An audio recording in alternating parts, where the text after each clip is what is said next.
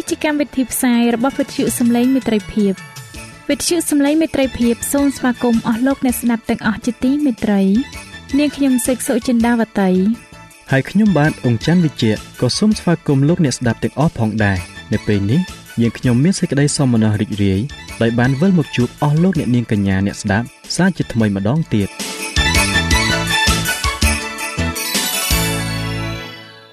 ចា៎លោកអ្នកស្ដាប់ជាទីមេត្រី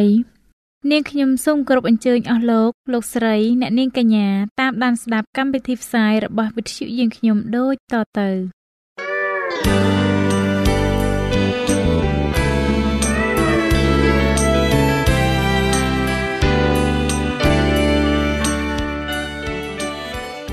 ព្រះបន្ទូលសម្រាប់អ្នកនៅថ្ងៃនេះព្រះគម្ពីរយូហានទី1ចំពុក2ខ15ដល់ខ16បានចែងថាកុំឲ្យស្រឡាញ់លោកី ឬរបស់អ្វីដែលនៅក្នុងលោកីនេះឲ្យសោះបើអ្នកណាស្រឡាញ់លោកីអ្នកនោះគ្មានសេចក្តីស្រឡាញ់របស់ព្រះពុទ្ធបិតានៅក្នុងខ្លួនឡើយត្បិតអស់ទាំងសេចក្តីដែលនៅក្នុងលោកីនេះគឺជាសេចក្តីពងប្រាថ្នារបស់សាច់ឈាម និងសេចក្តីពងប្រាថ្នារបស់ភ្នែកហើយសេចក្តីអំនួតរបស់ជីវិត នោះមិនកើតមកពីព្រះពុទ្ធបិតាទេ គឺមកពីលោកីនេះវិញ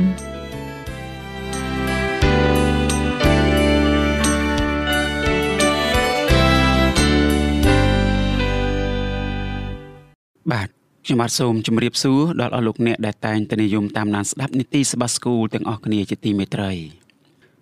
មេរៀនរបស់យើងសម្រាប់សប្តាហ៍នេះមានចំណងជើងថា ការសម្រាកមិត្តភាពនិងការព្យាបាលអស់លោកអ្នកជាទីមេត្រីប្រសិនបើលោកអ្នកចង់បានមេរៀននេះប្រើប្រាស់នៅលើទូរស័ព្ទដៃ Android លោកអ្នកអាចទាញយកបានតាមរយៈ Play Store ដោយវាយពាក្យថាខ្មែរសបាស្គូលអស់លោកអ្នកជាទីមេត្រី មនុស្សជាច្រើនបាននិយាយថា ការមិនអត់ឱនទោសឲ្យអ្នកដតីគឺប្រៀបបាននឹងការដាក់ថ្នាំពុល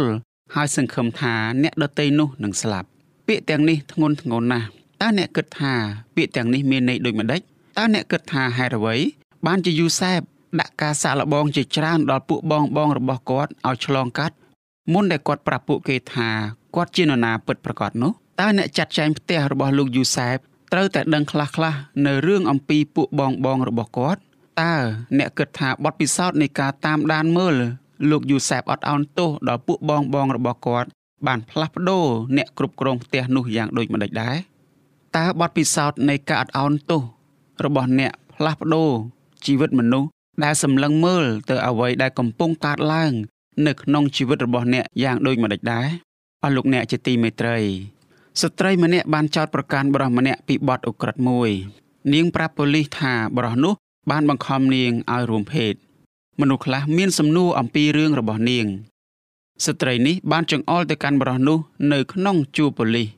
នាងនិយាយថាបរិសនោះបានធ្វើឲ្យនាងឈឺចាប់ប្រកាសណាស់បរិសម្នាក់នោះត្រូវតែជាប់គុក14ឆ្នាំក្រោយមក អ្នកវិទ្យាសាស្ត្របានសាកល្បងបង្ហាញថាបរិសម្នាក់នោះមិនបានប្រព្រឹត្តបទឧក្រិដ្ឋនោះទេ ស្ត្រីម្នាក់នោះយល់ថា នាងបានចោទប្រកាន់មនុស្សខុសស្ត្រីម្នាក់នោះ ក៏ចង់ជួបនឹងបរិសម្នាក់ដែលនាងបានចោទនោះតើបរិសម្នាក់នោះនឹងធ្វើអ្វីដល់ស្ត្រីម្នាក់នេះនៅពេលដែលគាត់បានជួបគ្នា នៅពេលដែលនាងបានចូលទៅជួបគាត់ហើយបានសម្លឹងមើលមុខគ្នាទៅវិញទៅមក បន្ទាប់មកពួកគេទាំងពីរនាក់ក៏យំបរិសនោះក៏បានចាប់ដៃស្ត្រីនោះហើយនិយាយថាខ្ញុំអត់ទោសឲ្យអ្នកស្ត្រីម្នាក់នោះបាននិយាយថាខ្ញុំបានស្អប់បរិសនេះអស់រយៈពេល14ឆ្នាំកន្លងមកហើយហើយខ្ញុំបានចង់ឲ្យគាត់ស្លាប់ ប៉ុន្តែគាត់បានប្រាប់ខ្ញុំថាគាត់បានអត់ទោសឲ្យខ្ញុំបន្ទាប់ពីខ្ញុំបានប្រព្រឹត្តខុសគឺដោយចោតប្រកាន់គាត់ខុសយ៉ាងធ្ងន់ធ្ងរទៅវិញខ្ញុំមិនអាចជឿពាក្យទាំងនោះដែលគាត់និយាយប្រាប់ខ្ញុំទេ នោះគឺបន្ទាប់ពីខ្ញុំចាប់ផ្ដើមយល់អំពីការអត់ឱនទោសខ្ញុំបានចាប់ផ្ដើមជាសះស្បើយនិងបានសម្រាកពិតប្រាកដនៅក្នុងចិត្តរបស់ខ្ញុំអស់លោកអ្នកជាទីមេត្រីសប្តាហ៍នេះយើងនឹងសិក្សាប្រធានបទនៃការអត់ឱនទោស យើងនឹងរៀនអំពីរបៀបដែលការអោនទោសអាចព្យាបាល ចិត្តមនុស្សដែលត្រូវការសម្រាកមិនយូរប៉ុន្មានជីវិតរបស់យូសែបបានថ្កុំថ្កាំងឡើងយ៉ាងឆាប់រហ័សយូសែបរួចចេញពីគុកបន្ទាប់ពីគាត់ បានប្រាប់អត្តន័យយ៉ាងត្រឹមត្រូវនៃសុបិនរបស់ស្ដេចផារ៉ោនបន្ទាប់មកស្ដេចផារ៉ោនតាំងតែងឲ្យយូសែបត្រួតត្រាលើប្រទេសទាំងមូលដោយដែលមានចែងនៅក្នុងព្រះគម្ពីរលោកុបាទជំពូក41យូសែប បានរៀបការជាមួយនឹងនាងអាស្ណាត់ជាកូនស្រីរបស់មន្ត្រីជាន់ខ្ពស់ម្នាក់យូសែបនិងនាងអាស្ណាត់មានកូនប្រុស2នាក់សូមអរគុណចំពោះយូសែបត្បិតតាមរយៈគាត់ធ្វើឲ្យឃ្លាំងនៅប្រទេសអេស៊ីបមានស្បៀងអាហារដ៏ពោពេញដោយដែលយូសែបបានប្រាប់មែនការខ្វះខាតស្បៀងអាហារក៏ចាប់ផ្ដើមកើតឡើង ពេលនោះបងបងរបស់យូសែបបានមកប្រទេសអេស៊ីប ដើម្បីទិញស្បៀងអាហារទៅផ្គត់ផ្គង់ដល់គ្រួសាររបស់ខ្លួនវិញឥឡូវនេះយូសែបគឺជាបរិះដ៏មានអំណាចម្នាក់គាត់អាចសងសឹកជាមួយនឹងពួកគេដោយមិនលក់ស្បៀងឲ្យពួកគេក៏បានដែរប៉ុន្តែយូសែបមិនបានជ្រើសរើសការសងសឹកនោះទេគាត់ជ្រើសរើសសេចក្តីមេត្តាករុណាវិញគាត់ព្រួយបារម្ភអំពីក្រុមគ្រួសាររបស់គាត់នៅឯផ្ទះគាត់ព្រួយបារម្ភអំពីឪពុករបស់គាត់ខ្លាំងជាងគេ តើឪពុករបស់គាត់ នៅរស់ទេឬហើយចុះតើបេនយ៉ាមីនជាប្អូនប្រុសតើយ៉ាងណាដែរតើបេនយ៉ាមីនប្រឈមនឹងគ្រោះថ្នាក់ដូចជាយូសែបបានប្រឈមនៅចំពោះបងបងរបស់គាត់ដែរឬទេឥឡូវនេះយូសែបមានអំណាចល្មមគ្រប់គ្រាន់អាចថែរក្សាសមាជិកគ្រួសារនិងគ្រួសារដែលគ្មានទីពឹងរបស់គាត់បានគាត់អាចថែរក្សាពួកគេបានយ៉ាងល្អបំផុត នៅក្នុងគ្រាដ៏លំបាកនេះ នោះហើយគឺជាអ្វីដែលយូសែបជ្រើសរើសធ្វើយ៉ាងពិតប្រាកដយើងក៏ត្រូវតែប្រព្រឹត្តដូចជាយូសែបដែរនៅពេលដែលសមាជិកដតីនៃគ្រួសាររបស់យើងមានការឈឺចាប់យើងមិនត្រូវមានអកប្បកិរិយាមិនឈឺឆ្អាលនោះឡើយយើងម្នាក់ម្នាក់មានតម្លៃនៅចំពោះព្រះនេតរបស់ព្រះជាម្ចាស់ព្រះយេស៊ូវបានចេញថ្លៃជំនួសយើងទាំងអស់គ្នានៅលើឈើឆ្កាងរួចមកហើយតើហេតុអ្វីបានជាព្រះយេស៊ូវយកប្រតិយទុកដាក់ខ្លាំងម្លេះ ចំពោះការឈឺចាប់ដែលយើងរងទ្រាំនោះទ្រង់បានទិញយើងដោយព្រះលោហិតរបស់ទ្រង់យើងគឺជាកម្មសិទ្ធិរបស់ព្រះអង្គហើយ អ្នកណាដែលប្រយុទ្ធជាមួយនឹងមនុស្សម្នាក់ទៀតហើយធ្វើឲ្យពួកគេឈឺចាប់នោះពិតជាប្រយុទ្ធជាមួយនឹងទ្រព្យសម្បត្តិរបស់ព្រះយេស៊ូវការបង្ខំនរណាម្នាក់ឲ្យធ្វើអ្វីដែលគេមិនចង់នោះគឺជាការខុសឆ្គងជាពិសេសបង្ខំឲ្យគេធ្វើខុសអំពីបំណងប្រារតីរបស់ព្រះ នោះគឺជាការធ្វើខុសដ៏ធ្ងន់ណាស់ត្បិតគេប្រឆាំងនឹងព្រះជាម្ចាស់ហើយ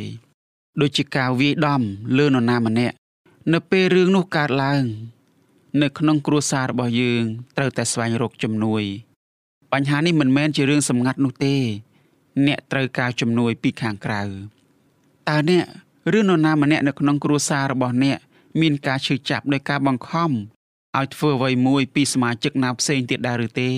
ពេលនោះសូមរកជំនួយពីអ្នកជំនាញគឺជាអ្នកអាជីពដែលអាចទុកចិត្តបានឲ្យលោកអ្នកជាទីមេត្រីយូសែបបានអត់ឱនទោសដល់បងបងរបស់គាត់យើងមិនដឹងថារឿងនេះកើតឡើងនៅពេលណានោះទេប៉ុន្តែគាត់ត្រូវតែធ្វើការងារនេះយ៉ាងឆាប់បន្ទាប់ពីពួកគេ បានមកដល់ប្រទេសអេស៊ីបប្រកាសណាស់យូសែបនឹងមិនអាចមានជោគជ័យបានទេប្រសិនបើគាត់បដិសេធ មិនអត់ឱនទោសឲ្យបងបងរបស់គាត់នោះតែហេតុអ្វីពីព្រោះកំហឹងនឹងស៊ីបំផ្លាញក្នុងចិត្តរបស់គាត់កំហឹងនឹងធ្វើឲ្យការឈឺចាប់ដល់មិត្តភាពរបស់យើងជាមួយនឹងព្រះផងដែរការសិក្សាបង្ហាញថាមនុស្សដែលបានជាសះស្បើយពីការឈឺចាប់យ៉ាងធ្ងន់ធ្ងរធ្វើដូច្នោះព្រោះពួកគេអត់ឱនទោសដល់អ្នកដទៃដែលធ្វើឲ្យពួកគេឈឺចាប់ នៅពេលយើងបដិសេធមិនព្រមអត់ឱនទោស ដល់អ្នកដទៃនោះការឈឺចាប់របស់យើងនៅតែបន្តបំផ្លាញជីវិតរបស់យើង បន្តទៅទៀតដដែលការអត់ឱនទោសដល់អ្នកដទៃរំដោះយើងឲ្យរួចពីការឈឺចាប់ការអត់ឱនទោសនេះទៀតសោតគឺមានប្រយោជន៍ដល់ខ្លួនយើងច្រើនជាងមនុស្សដែលយើងអត់ឱនទោសឲ្យនោះទៅទៀតមែនហើយលោកយូសែបបានអត់ឱនទោសឲ្យពួកបងបងរបស់គាត់មែនប៉ុន្តែគាត់មិនចង់បណ្ដោយឲ្យរឿងរ៉ាវទាំងឡាយ ដែលកើតឡើងនៅតាមផ្លូវដែលពួកបងបងរបស់គាត់បានដើរនៅក្នុងអតីតកាលនោះកើតឡើងទៀតឡើយដូច្នេះយូសែបត្រូវតែបញ្ជាក់ឲ្យដឹងច្បាស់ថាពួកបងបងរបស់គាត់ពិតជាបានកែប្រែចិត្ត100%មែនតើយូសែបឬពួកបងបងរបស់គាត់និយាយអំពីអ្វីពួកគេមិនដឹងថាយូសែបអាចយល់ពីអ្វីដែលពួកគេនិយាយនោះទេពួកបងបងរបស់លោកយូសែបបានលន់តួអំពើបាបរបស់ពួកគេប្រឆាំងទាស់នឹងគាត់គ្រប់គ្នា ពួកគេបានគិតថា ការលក់យូសែបជាទាសករពួកគេនឹងរួចផុតពីយល់សបិនរបស់យូសែបរបាយការណ៍ដ៏អាក្រក់របស់ពួកគេនិងការសម្លឹងមើលឪពុករបស់ពួកគេបង្ហាញថាយូសែបមានសេចក្តីស្រឡាញ់កាន់តែខ្លាំងឡើងតើពួកគេបានរកឃើញការសម្រាកនៅក្នុងពួកគេ ដែលពួកគេចង់បានដែរឬទេ នៅពេលដែលពួកគេកំចាត់យូសែបរួចហើយនោះ គឺគ្មានតលតែសោះ ពួកគេមានអារម្មណ៍មានទោសគ្រប់ឆ្នាំទាំងនោះដែលកន្លងមកសកម្មភាពអាក្រក់របស់ពួកគេប្រឆាំងទាស់នឹងយូសែបបានធ្វើឲ្យពួកគេអស់កម្លាំងនិងហេវហត់ពួកគេមានពោពេញទៅដោយការភ័យខ្លាចយ៉ាងធ្ងន់ធ្ងរថាព្រះនឹងធ្វើឲ្យពួកគេសងនៅអ្វីដែលពួកគេបានធ្វើទៅលើលោកយូសែបយូសែបសោកស្ដាយចំពោះការឈឺចាប់របស់ពួកគេ គាត់ក៏យំចំពោះពួកគេ លោកយូសែបដឹងថា ការខ្វះខាតចំណីអាហារនឹងបន្តជាច្រើនឆ្នាំតទៅទៀតដូច្នេះយូសែបប្រាប់ពួកគេឲ្យនាំយកបេនយ៉ាមីនមកជាមួយពួកគេ ពេលពួកគេមកទិញស្បៀងអាហារនៅពេលក្រោយយូសែបក៏ទុកស៊ីមៀនឲ្យជាប់គុកផងដែរនៅពេលយូសែបឃើញបេនយ៉ាមីននៅរស់គាត់បានរៀបចំពិធីជប់លៀងមួយ នៅឯពិធីជប់លៀងយូសែបបង្ហាញថាបេនយ៉ាមីនគឺជាមនុស្សដែលគាត់ចូលចិត្តជាងគេនៅទីនោះ នេះគឺជាការសាកល្បងមួយយូសែបចង់ដឹងថាតើពួកបងបងនៅតែមានចិត្តច្រណែនដូចជាពួកគេធ្លាប់មានពីមុនមកដែរឬទេពួកគេមិនមានទៀតទេប៉ុន្តែយូសែបមិនទាន់ទុកចិត្តពួកបងបងនៅឡើយទេនៅពេលនោះយូសែបនៅតែមន្ទិលសង្ស័យអំពីកលល្បិចដែលពួកគេអាចមាននៅក្នុងចិត្តពួកគេបានកុហកពេញទាំងទីក្រុងតើអ្នកនៅនឹកឃើញទេ នៅក្នុងព្រះគម្ពីរលោកុបាទចំពុក34ខ13យូសែបដឹងថា ពួកគេត្រូវតែកុហកដល់ឪពុករបស់ពួកគេ ពីការលក់គាត់ជាទាសករនោះព្រះគម្ពីរលោកុបាទចំពុក37ខ31ដល់34ដូច្នេះយូសែបនឹងផ្ដល់ការសាក់របស់មួយទៀតដល់ពួកគេដោយដែលមានចែងនៅក្នុងព្រះគម្ពីរលោកុបាទចំពុក44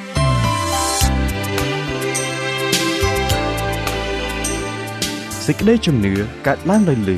ហើយដែលលឺនោះគឺដោយសារព្រះបន្ទូលនៃព្រះ តាមរយៈវិទ្យុសំឡេងមិត្តភាព AWR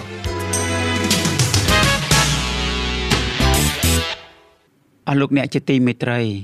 តើការអោនទោសរបស់យើងដល់មនុស្សដទៃធ្វើអ្វីសម្រាប់យើង យើងត្រូវតែយល់អំពីអ្វីៗទាំងអស់ដែលព្រះបានអត់អោនទោសឲ្យយើងដោយសារតែអង្គព្រះយេស៊ូវ ការយល់នេះគឺជាផ្នែកមួយដ៏សំខាន់បំផុតនៃការរៀនសូត្រពីរបៀបអត់អោនទោសដល់មនុស្សដទៃយើងទាំងអស់គ្នាសុទ្ធតែបានធ្វើបាប យើងបានធ្វើបាបទាស់នឹងមនុស្សដទៃហើយទាស់ជាមួយនឹងព្រះផ្ទាល់រាល់អំពើបាប គឺជាបាបទាស់នឹងព្រះរបស់យើងប៉ុន្តែដោយសារតែព្រះយេស៊ូវយើងអាចសុំកាត់អោនទោសយ៉ាងពេញលេញមកពីព្រះដល់អំពើបាបរបស់យើងរៀងរៀងខ្លួន យើងមិនបានធ្វើអ្វីដើម្បីឲ្យបានអំណោយដ៏មានតម្លៃដែលមកពីស្ថានសួគ៌នោះទេ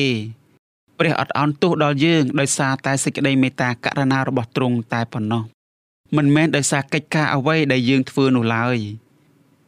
នៅពេលយើងយល់ពីសេចក្តីពិតនៃព្រះគម្ពីរទាំងនេះ យើងអាចទទួលអំណោយទាន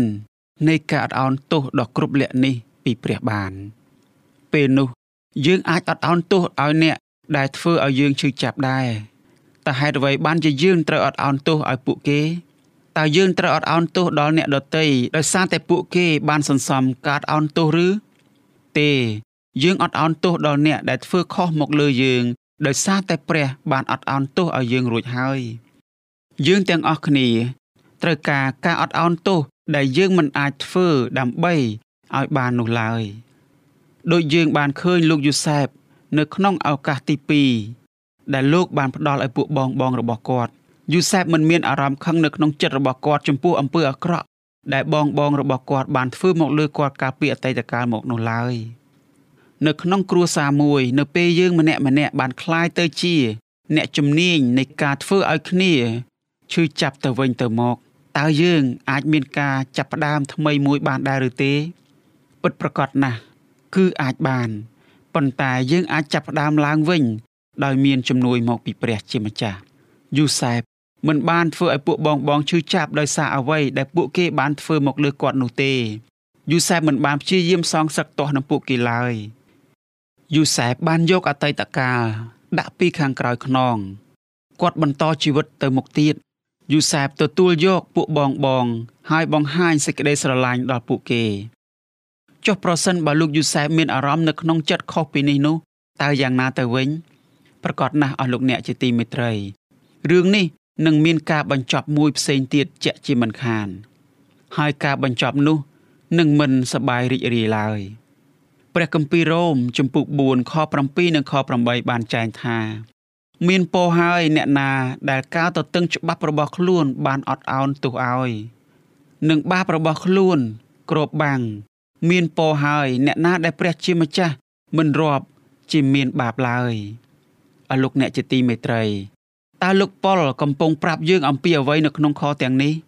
អំពីអំណោយទានដែលព្រះបានប្រទានដល់យើងនៅក្នុងព្រះយេស៊ូវនោះតើសេចក្តីសន្យាដ៏អស្ចារ្យនេះផ្លាស់ប្ដូរជីវិតរបស់យើង បានយ៉ាងល្អប្រសើរយ៉ាងណាទៅសេចក្តីសន្យានេះជួយឲ្យយើងបង្ហាញសេចក្តីស្រឡាញ់និងការអត់ឱនទោសដល់អ្នកដែលបានធ្វើឲ្យយើងឈឺចាប់ខ្លាំងបំផុតយ៉ាងដូចម្តេចដែរតើអ្នកត្រូវការអត់ឱនទោសដល់អ្នកណាម្នាក់ឬ ពេលនោះ មានកិច្ចការដែលអ្នកត្រូវធ្វើ អ្នកត្រូវទទួលស្គាល់ថា អ្នកឈឺចាប់ ការនេះមិនតែងតែងាយស្រួលធ្វើជានិច្ចនោះទេជួនកាលយើងចង់លាក់អារម្មណ៍របស់យើង ឬសម្ដែងអាកប្បកិរិយាថា ហាក់ដូចជាគ្មានអ្នកណាធ្វើឲ្យយើងឈឺចាប់ឡើយប៉ុន្តែការទូលទៅព្រះថា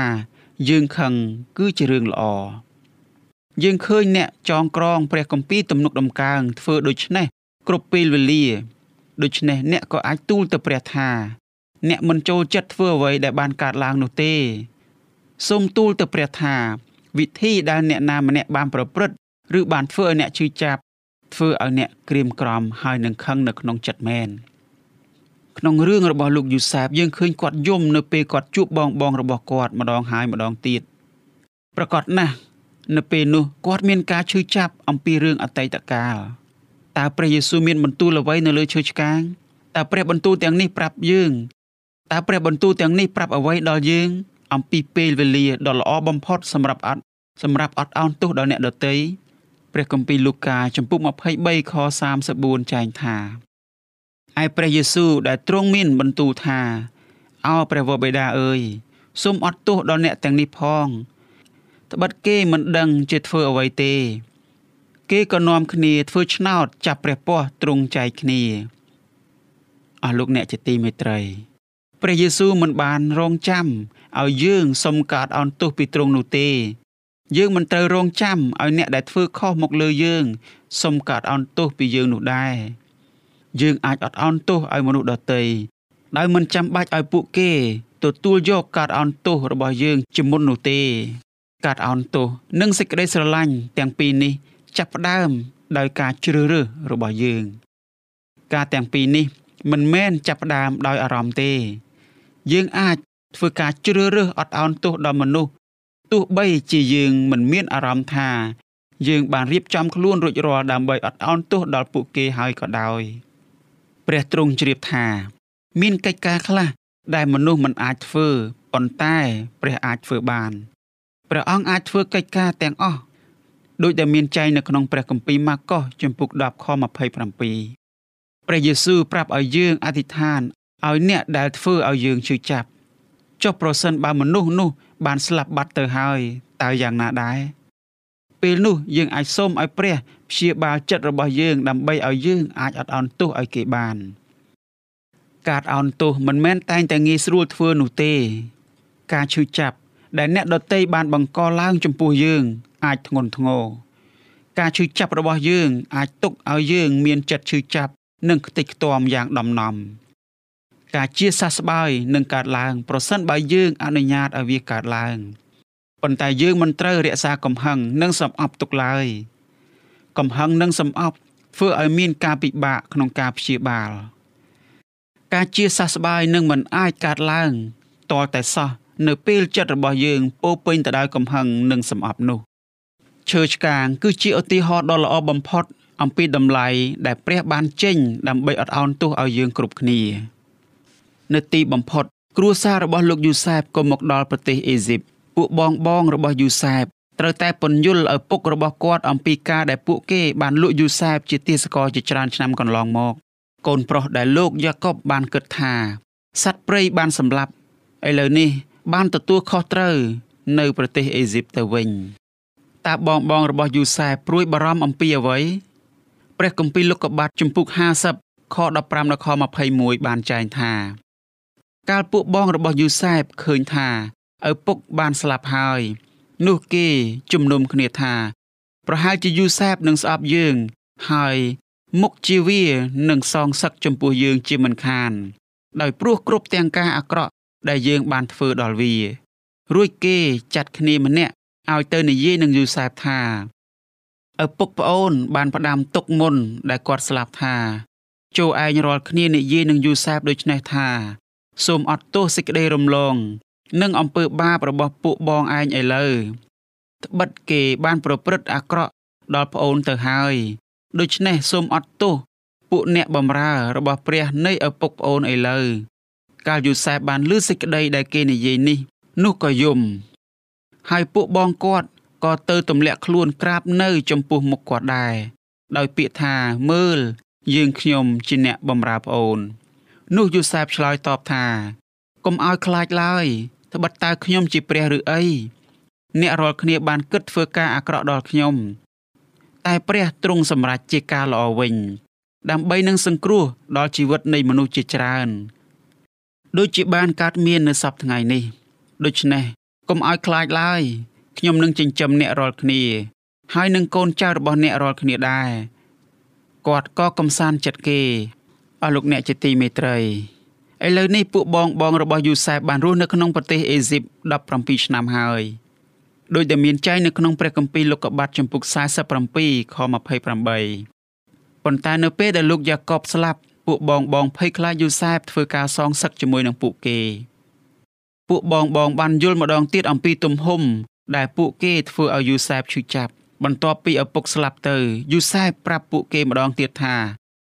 គាត់អត់អោនទោសឲ្យពួកគេបទពិសោធន៍នៃការអោនទោសនេះ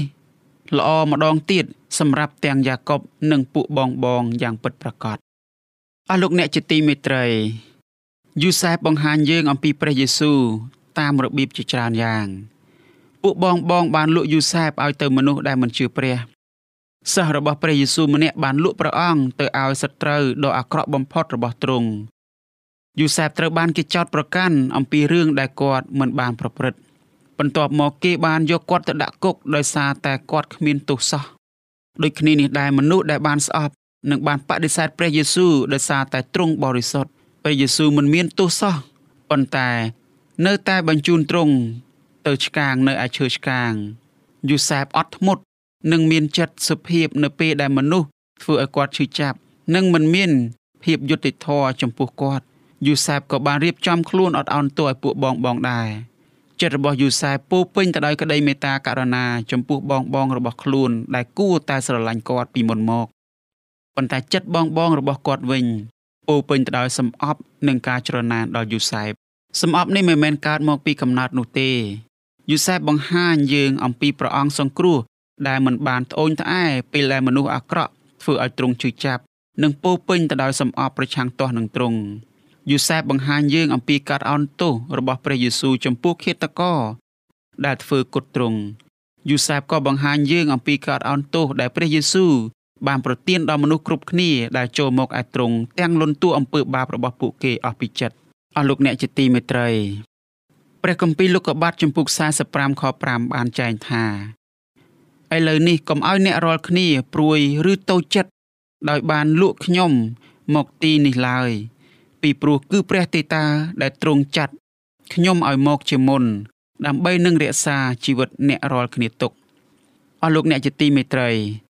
ការអោនទោស គឺជាវិធីសាស្ត្រមួយដ៏មានប្រសិទ្ធភាពក្នុងការផ្សះផ្សាទំនាក់ទំនងរបស់យើងជាមួយនឹងមនុស្សទូទៅទ្រង់បានប្រទានការផ្សះផ្សានេះដល់ដួងចិត្តនិងជីវិតរបស់យើងតាមរយៈការអោនទោសដែលទ្រង់បានធ្វើសម្រាប់យើងនៅលើឈើឆ្កាងដូច្នេះសូមឲ្យយើង បានទទួលយកការអោនទោសនេះ ដែលទ្រង់បានធ្វើសម្រាប់យើង ហើយក៏សូមឲ្យយើង បានអត់អោនទោសឲ្យអ្នកដទៃផងដែរដើម្បីឲ្យគ្រប់គ្នា ទទួលបាននូវការសម្រាកយ៉ាងពិតប្រាកដនៅក្នុងចិត្តនៅក្នុងគំនិត និងជីវិតរបស់យើងរៀងរៀងខ្លួនសូមទ្រង់ប្រទានពរនិងផ្ដល់នូវកម្លាំងសម្រាប់ឲ្យយើងអនុវត្តការអោនទោសដល់អ្នកដទៃដែលយើងបានជួបប្រទះនៅក្នុងជីវិតរបស់យើងគ្រប់គ្រប់គ្នាអាមែន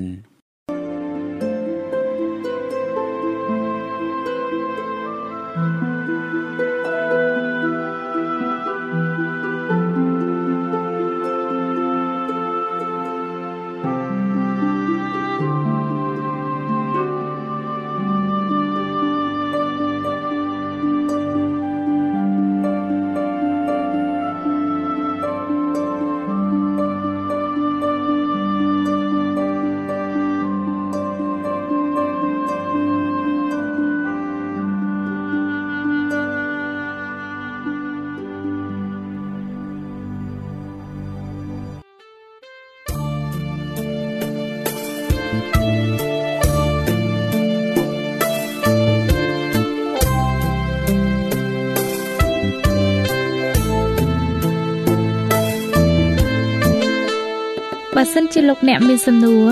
ឬសំណុំពរអ្វីសូមតាក់ទងមកការិយាល័យវិទ្យុយើងខ្ញុំ តាមអាស័យដ្ឋានផ្ទះលេខ15ផ្លូវលេខ568សង្កាត់បឹងកក់2ខណ្ឌទួលគោករាជធានីភ្នំពេញលោកអ្នកក៏អាចសរសេរសម្បត្តិផ្ញើមកយើងខ្ញុំ តាមរយៈប្រអប់សម្បត្តិលេខ488ភ្នំពេញឬតាមទូរស័ព្ទលេខ012 34 96 64ឬ097 80 81 060ឬក៏តាមរយៈអ៊ីមែល vol@awr.org យើងខ្ញុំរងចាំទទួលស្វាគមន៍អស់លោកអ្នកនាងដោយក្តីសោមនស្សរីករាយហើយលោកអ្នកក៏អាចស្ដាប់កម្មវិធីនេះឡើងវិញដោយចូលទៅកាន់ website របស់វិទ្យុយើងខ្ញុំ តាមរយៈអាស័យដ្ឋាន www.awr.org